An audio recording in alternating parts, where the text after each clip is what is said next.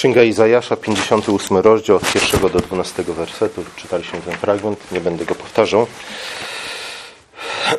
W tym fragmencie znów pojawia się wątek światłości i ciemności. Ostatnio dużo mówimy o światłości i ciemności. Tym razem jednak ciemnością nie są ani wrogowie Bożego Ludu, ani żadne inne nieszczęście, które e, szatan sprowadził na Izrael. Pewnym sensie tak, ale nie bezpośrednio. W tym fragmencie ciemnością jest sam lud Boży. Nie? W tym fragmencie ciemnością jest sam Izrael. Z drugiej strony Izrael, kiedy prorok, Bóg przez proroka wypowiada te słowa do, do Izraela, Izrael nie za bardzo rozumie, o co Panu Bogu chodzi, o co chodzi prorokowi. Najwyraźniej prorok albo nie zrozumiał Boga, albo, albo po prostu się czepia. Może miał gorszy dzień, może jest frustrowany i w ten sposób próbuje na swoich bliźnich odreagować. Izrael nie rozumie tego, dlaczego Bóg nazywa go ciemnością i na własne usprawiedliwienie wskazuje na to, jak bardzo jest pobożny, jak bardzo jest gorliwy w sprawowaniu kultu, nie tylko kultu. Przede wszystkim, i na to myślę warto zwrócić uwagę, y, tu nie chodzi tak bardzo o kult publiczny, kult nakazany przez, przez Mojżesza, dlatego że posty, na które między innymi Izrael się y, powołuje, nie są postami nakazanymi przez Pana Boga. Nie? Są to posty, które zostały wymyślone przez, przez ludzi. W prawie mojżeszowym tak naprawdę był jeden, jedyny dzień w roku postu nakazany przez Boga. Było to związane ze świętem przebłagania i to był jedyny dzień, w którym Izrael tak naprawdę miał pościć. Oczywiście Bóg wzywa Izrael do postu przy innych okazjach, zwłaszcza wtedy, gdy na Izrael przychodzi, spada ogromne nieszczęście. Nie? Ale, ale na co dzień y, post nie do końca był nakazanym przez Boga wyrazem pobożności. Izrael jednak wymyślił sobie wiele różnego rodzaju postów przy wiele różnych okazjach, po to, aby w ten sposób wyrazić swoją pobożność. E, chociaż z drugiej strony, zdaniem proroka i zdaniem, zdaniem Boga, e, te wszystkie posty, które sprawował Izrael, nie były wcale wyrazem prawdziwej pobożności były wyrazem czegoś wręcz przeciwnego do prawdziwej pobożności. Izrael jednak do końca tego nie rozumie i dlatego mówi do Pana Boga: Panie Boże, spójrz na naszą gorliwość w sprawowaniu kultu, spójrz na te wszystkie rzeczy, które robimy po to, aby wyrazić naszą pobożność. Jesteśmy bardzo pobożni, jesteśmy bardzo religijni. Dlaczego więc, Panie Boże, stawiasz nam tak poważne zarzuty? Dlaczego nazywasz nas ciemnością, podczas gdy my przecież jesteśmy światłością? Bóg odpowiada i stwierdza co najmniej dwie rzeczy. Po pierwsze, mówi o tym, że, że pobożność czy też religijność nie może ograniczyć się do kultu. Nie? Kult nie jest. W pewnym sensie kult jest początkiem i końcem naszego życia z Bogiem, ale y, kult nie, w kulcie nie zawiera się całe nasze życie z Bogiem. Praktyki religijne są tym, co ma ukształtować odpowiednie postawy w nas i są tym, co wzywa, co wzywa nas do odpowiedniego zachowania na co dzień. Nie? Kult jest, kult jest y, tym, co instruuje, co instruuje, co instruuje nas, co zachęca nas do tego, abyśmy żyli w odpowiedni sposób, nie? w sposób, który podoba się Bogu na co dzień. Nie, nie jesteśmy chrześcijanami tylko i wyłącznie na, w czasie nabożeństwa. Nabożeństwo pomaga nam być chrześcijanami przez pozostałą część tygodnia. Nie? I nabożeństwo jest tym, co instruuje, co instruuje nas na, o, o tym, co to znaczy być chrześcijaninem pozostałe dni tygodnia. Kult nie jest celem samym sobie, chociaż rzeczywiście na koniec tygodnia wracamy, nie?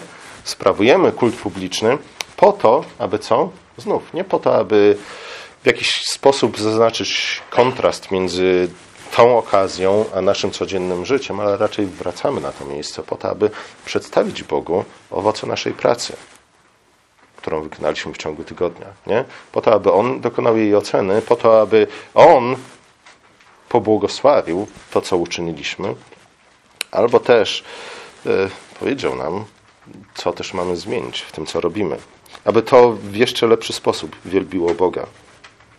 Kiedy kult staje się celem samym w sobie, wtedy neguje intencje Boga i staje się w gruncie rzeczy buntem przeciwko Bogu.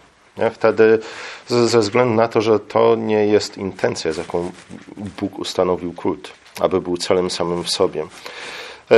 Kiedy kult staje się celem samym w sobie, to prowadzi do tak naprawdę neutralizacji naszej religii, neutralizacji prawdziwej pobożności, ze względu na to, że prowadzi do zbyt wielkiego oddzielenia tego, co robimy przed Bogiem, dla Boga, a tego, co robimy w naszym życiu codziennym. Innymi słowy, niszczy znaczenie religii w życiu społecznym, w życiu codziennym, w życiu publicznym. Kult może się w pewnym sensie stać sprawą prywatną, w związku z tym y, nie przekładającą się bezpośrednio na, na nasze codzienne życie, nie przekładającą się bezpośrednio na więzi międzyludzkie, nie wyrażającą się e, w żaden sposób e, w rolach, jakie pełnimy w społeczeństwie, czy też w rodzinie. Kult może oczywiście też stać się instrumentem w rękach władzy. Dzisiaj w naszym kraju może to tak nie jest, E, ale z historii znamy bardzo wiele przykładów tego, nie? w jaki sposób kult został, czy też religia została zneutralizowana w ten sposób, że stała się instrumentem w rękach władzy. W takim przypadku religia i kult traci tę rolę, którą nazywa się profetyczną, czyli prorocką, e, ze względu na to, że nie e, nie jest w stanie rzucić żadnego wyzwania, nie jest w stanie skarcić w żaden sposób y, władzy ze względu na to, że służy tej władzy, zamiast służyć Panu Bogu. Zobaczcie, Bóg, który ustanowił kult, jest przede wszystkim Bogiem trójjedynym. Y, to oznacza, że jest też miłością. Nie? Bóg jest miłością. Ponieważ zostaliśmy stworzeni na obraz trójjedynego Boga, który jest miłością, dlatego nikt z nas nie żyje sam dla siebie, dlatego też nikt z nas e, tak naprawdę nie może żyć w oderwaniu od innych ludzi. Do życia potrzebujemy, potrzebujemy innych ludzi, e, potrzebujemy ich miłości, potrzebujemy ich darów, potrzebujemy ich obecności w naszym życiu. Oczywiście sam fakt, to w jaki sposób pojawiamy się na tym świecie, nie powinien nam o tym przypominać. Nikt z nas sam z siebie nie pojawił się na świecie. E, z tego też względu ten, kto nie kocha bliźniego stworzonego na obraz Boga, ten tak naprawdę nie kocha Boga. Nie? To jest coś, co Pismo Święte co najmniej kilka razy przypomina nam. E, przy czym oczywiście, gdy mówimy o miłości bliźniego, w której ma między innymi wyrazić się to, że zostaliśmy stworzeni, stworzeni na obraz i na podobieństwo trójjedynego Boga, który jest miłością. Nie? Kiedyś, parę miesięcy temu mówiłem o tym, że w zasadzie Ducha Świętego możemy nazwać miłością, nie? czyli tym, co łączy Ojca z Synem. E, jeśli zostaliśmy stworzeni na obraz tego Boga, nie tylko my powinniśmy, powinniśmy po prostu nie tylko oczekiwać miłości od innych ludzi, ale też okazywać tę miłość. Nie? I właśnie w okazywaniu miłości bliźnim przede wszystkim widzimy powinno wyrażać się to, że zostaliśmy stworzeni na obraz Boga. Ale kiedy mówiliśmy, mówimy o miłości bliźniego, nie oczywiście w dzisiejszych czasach y, wszyscy wszystkich kochają. Nie? E, przy czym bardzo często jest to miłość, y, która niewiele ma wspólnego z prawdziwą miłością. Nie? Bardzo często, y, gdy pojawia się na ustach, ustach słowo miłość, tak naprawdę chodzi o kontrolowanie drugiej osoby. Nie? Ja kocham Cię, dlatego pozwól, że uporządkuję Twoje życie. Nie? Ale niestety często to porządkowanie cudzego życia prowadzi do, do, ma na celu to, aby inni zaczęli żyć takim życiem, e, które mi najbardziej się przysłuży, nie? albo które spełni naj, w największym stopniu moje oczekiwania. Czasami miłość bliźniego przybiera bardzo abstrakcyjne formy, jak na przykład przysłowiowa miłość pigmeja w Afryce. Nie? Wszyscy kochają tych biednych pigmejów w Afryce. Dzisiaj może powinniśmy powiedzieć biednych Sudańczyków w południowym Sudanie. E, I rzeczywiście to są ludzie, którzy, którzy zasługują na naszą pomoc i na naszą uwagę, ale miłość do Sudańczyka w południowym Sudanie nigdy nie może zastąpić nam miłości do naszego bliźniego. A w Piśmie Świętym musimy pamiętać o tym, że bliźni to jest przede wszystkim nasz sąsiad. Nie? To jest jedno i to samo słowo. W naszym tłumaczeniu nie, słowo bliźni to jest jakieś tam staropolskie słowo. Dawno stracili, straciło znaczenie sąsiada, w angielskim to wciąż jest wyraźnie widoczne. Nie? nie ma różnicy. Bliźni i sąsiad to jest jedno i to samo słowo. Pismo Święte wzywa nas przede wszystkim do miłowania naszego sąsiada. Nie? Niestety o wiele łatwiej jest kochać pigmeja w Afryce niż kochać naszego, naszego sąsiada, ze względu na to, że z sąsiadem y, sąsiadujemy przez płot, czy też przez ścianę. Spotykamy go o wiele częściej. Praktycznie w pewnym sensie spędzamy całe nasze życie razem z naszymi sąsiadami. Nie? To nie jest aż taka bliskość jak z członkami naszej rodziny, nie, ale to jest bliskość na tyle bliska, że staje się bardzo często niebezpieczną bliskością. Problem z abstrakcyjną miłością bliźniego jest taka, że, że bardzo często niestety prowadzi do e, miłości, umiłowania abstrakcyjnego Boga. Nie? Jeśli dla mnie obrazem Boga jest przede wszystkim ktoś, kogo nigdy w życiu nie spotkałem i dzięki Bogu nigdy w życiu nie spotkam, nie? to zobaczcie, y, to takim też staje się dla nas w pewnym sensie Bóg. Nie? Ktoś, kto jest na tyle odległy, że jest dla mnie bezpieczny, nie, nie stanowi dla mnie żadnego zagrożenia e, i którego obraz mogę kreować sobie w podobny sposób, jak kreuję sobie obraz mojej wyobraźni tego bliźniego, który mieszka na drugiej półkuli, gdzie ludzie chodzą nogami do góry. Nie? E, to wszystko jest połączone. Nie?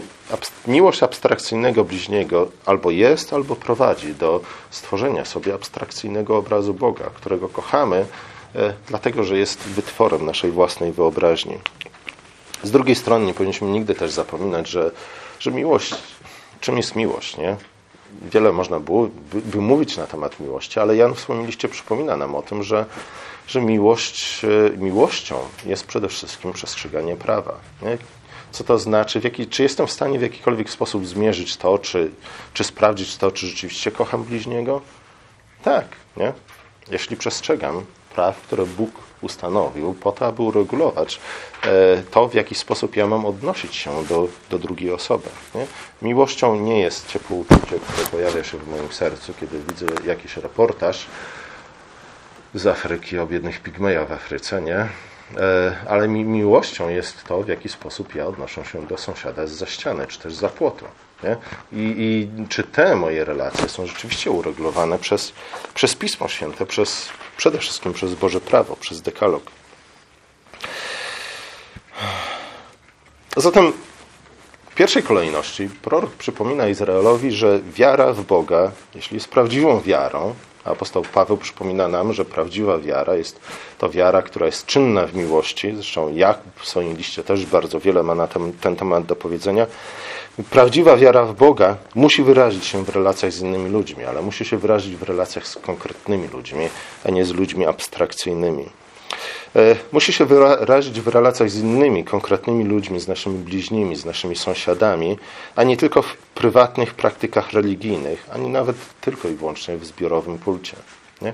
Zbiorowy kult jest, wydaje mi się, o tyle bezpieczniejszy, że jednak ze względu na to, że jest kultem zbiorowym, jednak przypomina nam, nie? przez sam fakt że jest kultem zbiorowym, przypomina nam o tym, iż y, religia jest też zjawiskiem zbiorowym, jest zjawiskiem społecznym. Nie? Że, innymi słowy, że nasza poboż, pobożność musi wyrazić się w czym? W relacjach z innymi ludźmi, nie? w relacjach międzyosobowych. Y, prywatna pobożność jest o tyle gorsza, że co? że brakuje jej nawet tego elementu, nie? Który, który mógłby nam w jakikolwiek sposób przypomnieć o tym, że, że nasza pobożność ma wyrazić się w naszych więziach społecznych, w naszych relacjach z innymi ludźmi. Często niestety ten fragment jest odbierany i, inne podobne fragmenty, nie? gdzie Bóg mówi, słuchajcie, nie potrzebuję waszych postów, słuchajcie, nie potrzebuję waszych ofiar, nie potrzebuję dymu z tłuszczu spalanego przez was świątynię.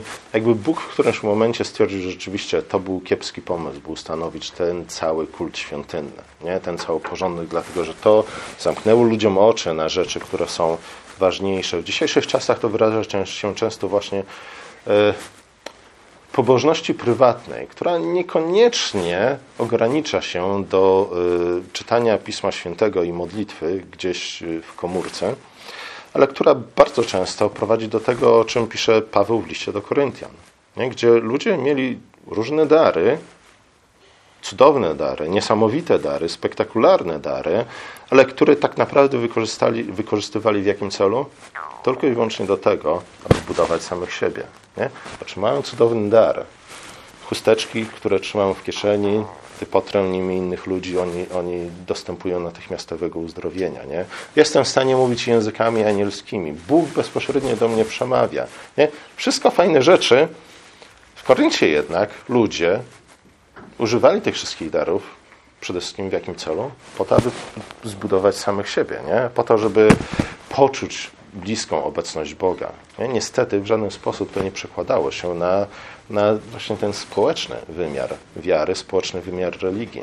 I Paweł dlatego też w 14 rozdziale przypomina im, słuchajcie, po pierwsze zabiegajcie o te dary, które służą wzajemnemu budowaniu, a po drugie, jakikolwiek dar byście nie otrzymywali od Boga, to pamiętajcie o tym, że On przede wszystkim ma służyć nie temu, aby podbudować waszą, mm,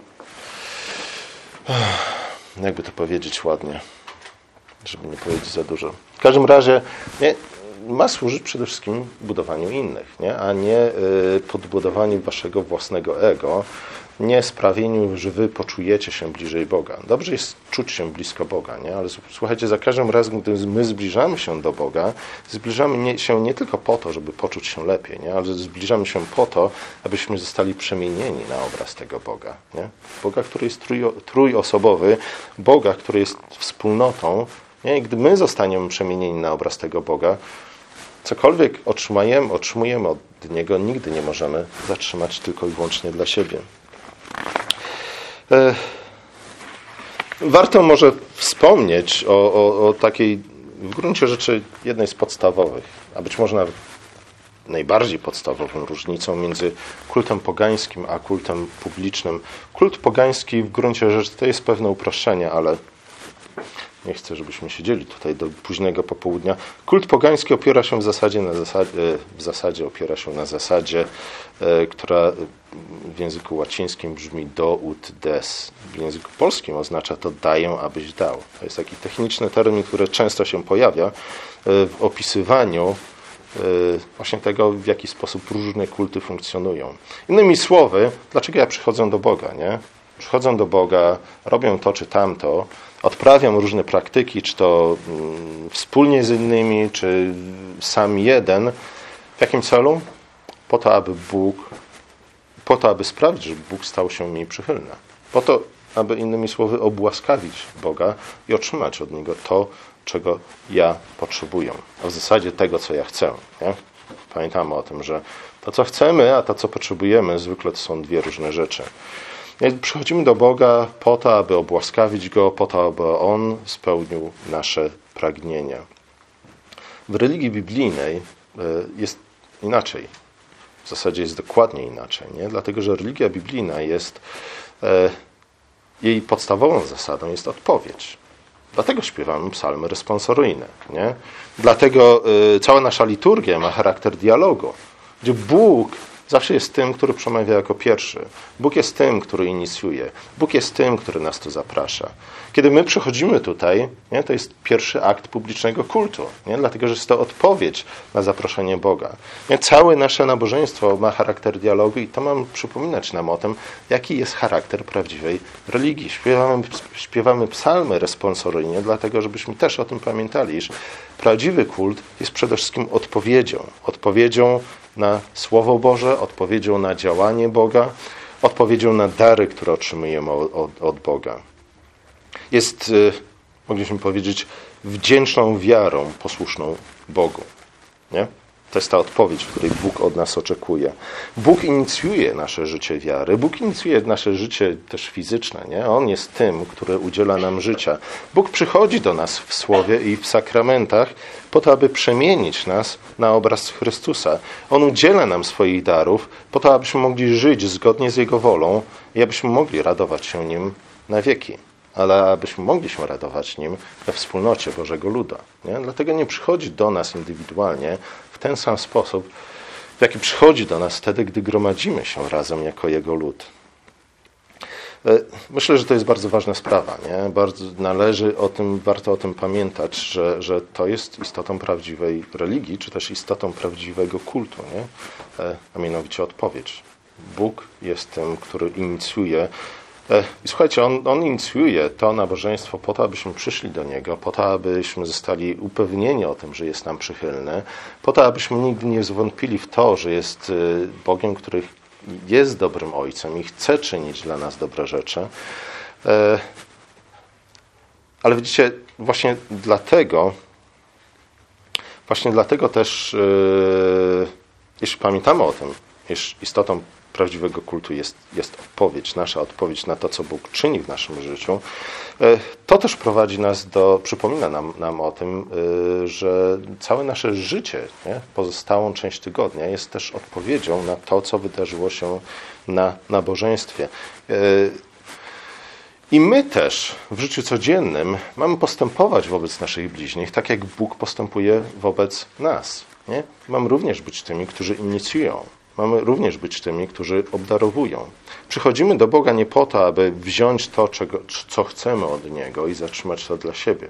Przychodzimy do Boga po to, aby przyjąć wdzięcznie to, co On chce nam dać, ale nie po to, żeby zatrzymać to dla siebie, tylko żeby przekazać to innym ludziom. Nie? My w życiu innych ludzi w pewnym sensie mamy pełnić rolę taką, jaką Bóg pełni w naszym życiu. Nie, nie tylko mamy widzieć w bliźnim obraz Boga, ale też w pewnym sensie mamy być Bogiem dla bliźnich. Nie? Oczywiście nie w pogańskim znaczeniu. Nie, nie mamy być Bogiem dla bliźnich w takim znaczeniu, że my teraz będziemy, nie, my tu pokażemy co jest najlepsze, najważniejsze i wszyscy będą tańczyć tak, jak my im zagramy. Nie? To nie jest obraz prawdziwego Boga.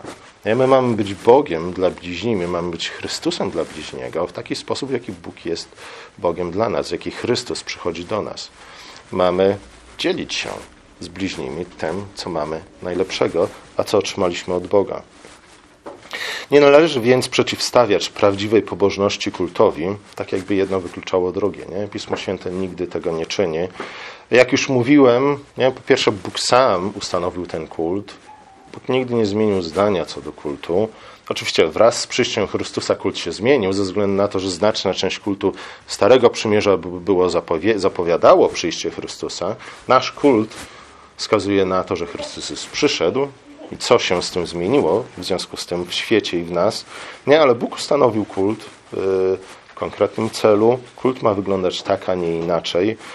E, znaczna część krytyki kultu, którą znajdujemy w Piśmie Świętym, też w 58 rozdziale Księgi Izajasza, dotyczy tak naprawdę prywatnej pobożności. Nie?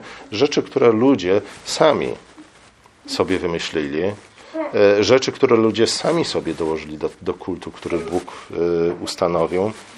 Ale oczywiście, nie? to nie zmienia faktu, że, że możemy wciąż traktować kult, y, ten nawet najbardziej proprawny i zgodny z nauczeniem Pisma Świętego w zły sposób.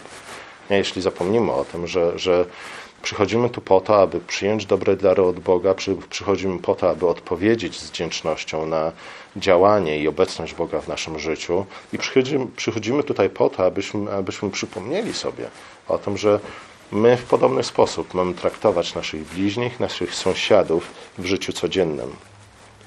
Zobaczcie, kiedy Jezus y, krytykował faryzeuszów, to jest 23 rozdział Ewangelii Mateusza, te wszystkie biada wypowiedziane przeciwko faryzeuszom, powiedział innymi, biada wam uczeni w piśmie i faryzeusze, obłudnicy, bo dajecie dziesięcinę z mięty, kopru i kminku. Lecz pamiętajcie, co ważniejsze jest w prawie. Sprawiedliwość, miłosierdzie i wiara. To zaś należało czynić, a tamtego nie opuszczać. Nie? Myślę, że to bardzo ważne słowo, słowa, które pozwalają nam lepiej zrozumieć, jaka jest relacja między kultem a naszą codzienną pobożnością. Nie? Jezus nie powiedział, słuchajcie, wy głupi faryzeusze, zapomnijcie o dziesięcinie, nie? czyńcie miłość i sprawiedliwość. Nie? On powiedział raczej, słuchajcie, to, że Bóg ustanowił dziesięcinę, jest wezwaniem do tego, abyście czynili miłość i sprawiedliwość. Nie? Dziesięcina wzywa was do tego, abyście e, okazywali miłość i postępowali sprawiedliwie w waszych relacjach z innymi ludźmi, a przede wszystkim z waszymi bliźnimi. Nie powiedział, żeby przestali płacić dziesięciną, ale przypomniał im, e, jaką funkcję pełni dziesięcina w życiu człowieka wierzącego. Kult zatem staje się zły, kiedy nie prowadzi do pobożnego działania. Nie? Kult staje się zły wtedy, gdy nie spotyka się z właściwą odpowiedzią z naszej strony. Nie? Innymi słowy, kult jest słowem wypowiedzianym do nas przez Boga, nie? które domaga się właściwej odpowiedzi, właściwej reakcji. Nie uzyskamy właściwej reakcji, kiedy pozbędziemy się słowa, które Bóg kieruje do nas poprzez kult. Nie? Niestety, znaczna część współczesnego chrześcijaństwa, zwłaszcza te, ta część chrześcijaństwa, która neguje jakąkolwiek rolę, sens i znaczenie kultu, e, twierdzi, że rzeczywiście możemy dać Bogu właściwą odpowiedź na pytanie, które kompletnie ignorujemy, nie? odrzucając kult, odrzucając yy, kult. Poprzestańmy na tym. Yy, kult staje się zły, kiedy nie prowadzi do właści- kiedy, kiedy nie spotyka się z właściwą odpowiedzią z naszej strony. Nie? Kult staje się zły, kiedy zbytnio manipulujemy przy nim nie? I, przestaje być kultem ustanowionym przez Boga, przestaje być kultem, który w prawdziwy sposób odzwierciedla istotę samego Boga, ale kult staje się też zły, kiedy nie spotyka się z właściwą odpowiedzią. Wtedy staje się wyrazem obłudy i z fałszywym świadectwem o Bogu, którego rzekomo czci. Izajasz przypomina o tym Izraelowi. Nie? Przypomina też i mówi, słuchajcie, Izraelu, Masz być światłością dla narodów. Nie? Ty jesteś tym miastem zbudowanym na wzgórzu. Nie? Oczywiście tym miastem była Jerozolima, zwłaszcza świątynia, która stała na wzgórzu.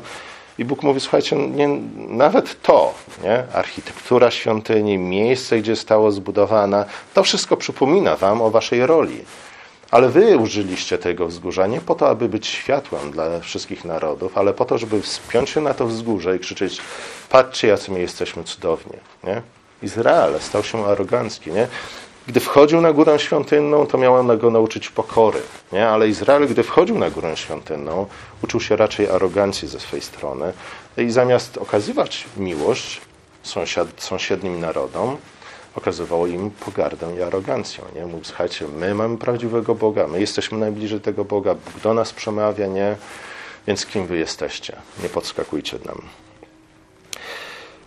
O tym przypominało święto przebłagania, nie? Więc to święto, kiedy, kiedy właśnie był Dzień Postu, zarządzony przez Boga, e, święto, w którym Izrael składał 70 byków za wszystkie narody świata, nie?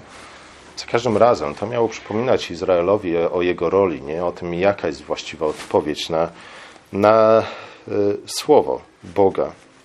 Izrael niestety niczego przez kilkaset lat nie nauczył się z tego. Izrael z powodu swojej obłudy zamiast roztaczać światłość, roztaczał ciemność i mrok. Skutkiem czego było to, iż narody zaczęły bluźnić Bogu, zamiast Go wielbić. Nie? Powiedzieli, Panie Boże, patrzymy na Twoje sługi, patrzymy na Twój wybrany naród, nie znajdujemy w nim nic atrakcyjnego. Dlaczego mielibyśmy służyć Tobie? Nie? Jeśli Twoi słudzy są jednymi z najbardziej aroganckich ludzi na świecie na dodatek jednym z najbardziej obłudnych ludzi na świecie. Prorok więc wyjaśnia, że prawdziwa pobożność z jednej strony nie polega na manipulowaniu Bogiem w pogoni za, za błog Jego błogosławieństwami, ale polega przede wszystkim na dzieleniu się z bliźnim błogosławieństwami, których Bóg nam udziela. Niestety, jak pokazuje lektura Ewangelii, do czasu Jezusa niewiele się zmieniło. Napomnienie Izra Izajasza nie, nie trafiło na zbyt podatny grunt. Kiedy przyszedł Jezus, spotkał się dokładnie z tym samym problemem, nie? a może nawet w jeszcze większej skali. Może właśnie dlatego rozpoczął swoje nauczanie od kazania na górze. Nie? Zaczął mówić od tego, co powiedział w kazaniu na górze.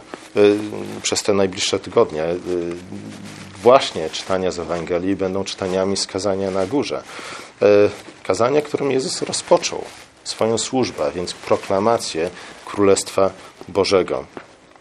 W nich przypomniał nam o istocie prawdziwej religii. Przypomniał, że światłość Boża świeci tam, gdzie dzielimy się chlebem z głodnymi, gdzie otwieramy drzwi dla bezdomnych, gdzie przyodziewamy nagich. Nie? Tam właśnie świeci Boża sprawiedliwość i Boża światłość i właśnie dzięki temu narody przychodzą do Boga, nie? bo to chcą zobaczyć Bogu. Krzyżem Chrystus nie tylko mówił o tym wszystkim, ale też postępował zgodnie z tym, nie? ze swoim nauczaniem. I tym samym przypomniał nam o tym, że no, prawdziwa pobożność z obłudą nie ma absolutnie nic wspólnego. E, niestety nie, nie zawsze zdobywał sobie tym wdzięczność i sympatię. Nie? I ciekawe jest to, że ci, którzy najwcześniej i najbardziej atakowali Chrystusa, byli tymi, których najbardziej dotykało Jego nauczanie i Jego postawa. Często reakcją na, na słowa i czyny Chrystusa była krytyka, był ostracyzm, był resentyment. Ale zobaczcie, w końcu go wszyscy opuścili. Nie? Tak to się skończyło. Tak to się może skończyć w naszym przypadku. Nie? Na jakiś czas przypadkiem, przy, przynajmniej. Ale zobaczcie, y, kto w pierwszej kolejności opuścił Chrystusa. Nie, nie ci poganie, złaknieni, spragnieni Boga i Bożej miłości. Nie? Ci w Ewangeliach raczej występują jako postaci pozytywne. Nie? Za każdym razem, gdy jakiś poganin pojawia się w Ewangeliach, może za wyjątkiem Piłata, nie? są to ludzie, którzy są przykładami prawdziwej wiary. Złe reakcje na to, co mówił i co czynił Chrystus, przychodziły ze strony tych, którzy mienili się o wiele lepszymi y, ludźmi niż sam Chrystus. Nie? Minili się tymi, którzy lepiej zrozumieli Boga niż Chrystus, tymi, których Bóg, y, Chrystus oskarżał o obłudę. W końcu wszyscy go opuścili, ale zobaczcie właśnie w tym momencie. Nie? Chrystus stał się tym płomieniem jaśniejącym na wzgórzu Golgoty. On stał się nową Jerozolimą. On stał się, się tym miastem, które zostało zbudowane na górze po to, aby rzucało światłość na cały świat. Zobaczcie, i może właśnie dlatego ciemność musiała zapaść nad całą ziemią. Nie? I Ewangelie mówią o tym, że rzeczywiście tak się stało. Słońce się zaćmiło w tym momencie. Wszędzie był mrok pozostało tylko jedno, jedno źródło światła, a mianowicie krzyż Chrystusa. I ciekawe jest to, że, że Ewangelie i później dzieje apostolskie przedstawiają tę historię w ten trochę poetycki sposób. Nie? Mrok wszędzie.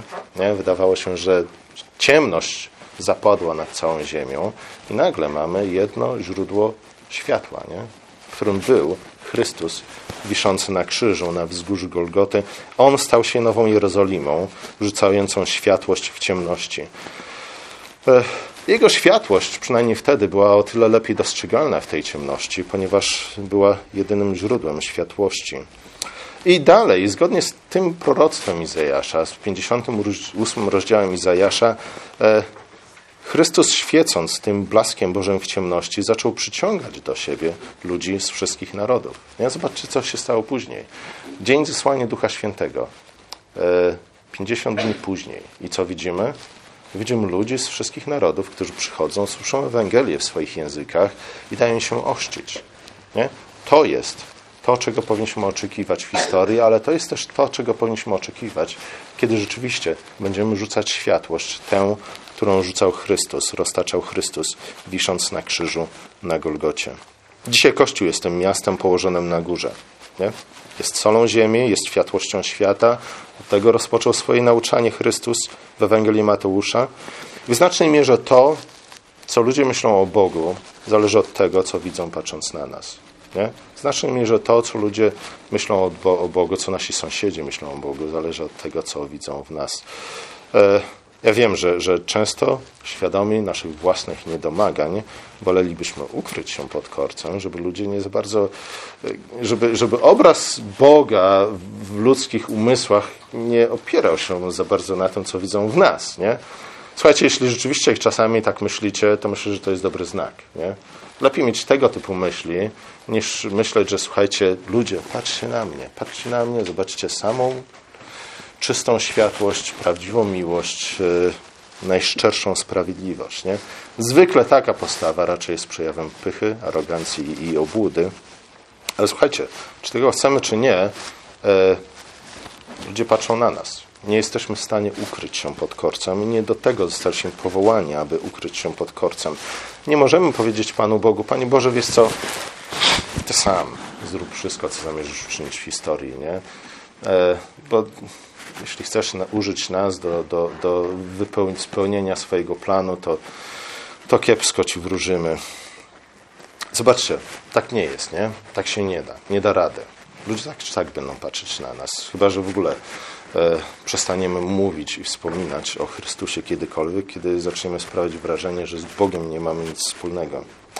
Dlatego też wtedy, zawsze wtedy, kiedy, kiedy polerujemy naszą liturgię, kiedy pochłaniamy kolejną książkę o apologetyce albo o sześciu dniach stworzenia, kiedy krytykujemy rząd, oczywiście jak najbardziej słusznie, kiedy wytykamy prawdziwą, a nie tylko urojoną głupotę naszych sąsiadów, myślę, że, że właśnie e, to wszystko rzeczy bywają dobre, nie? Jest czas, kiedy należy to czynić i, i, to jest wszystko, może być uzasadnione, ale myślę, że, że zwłaszcza w takich chwilach powinniśmy pamiętać o tym, co jest istotą prawdziwej religii prawdziwej pobożności.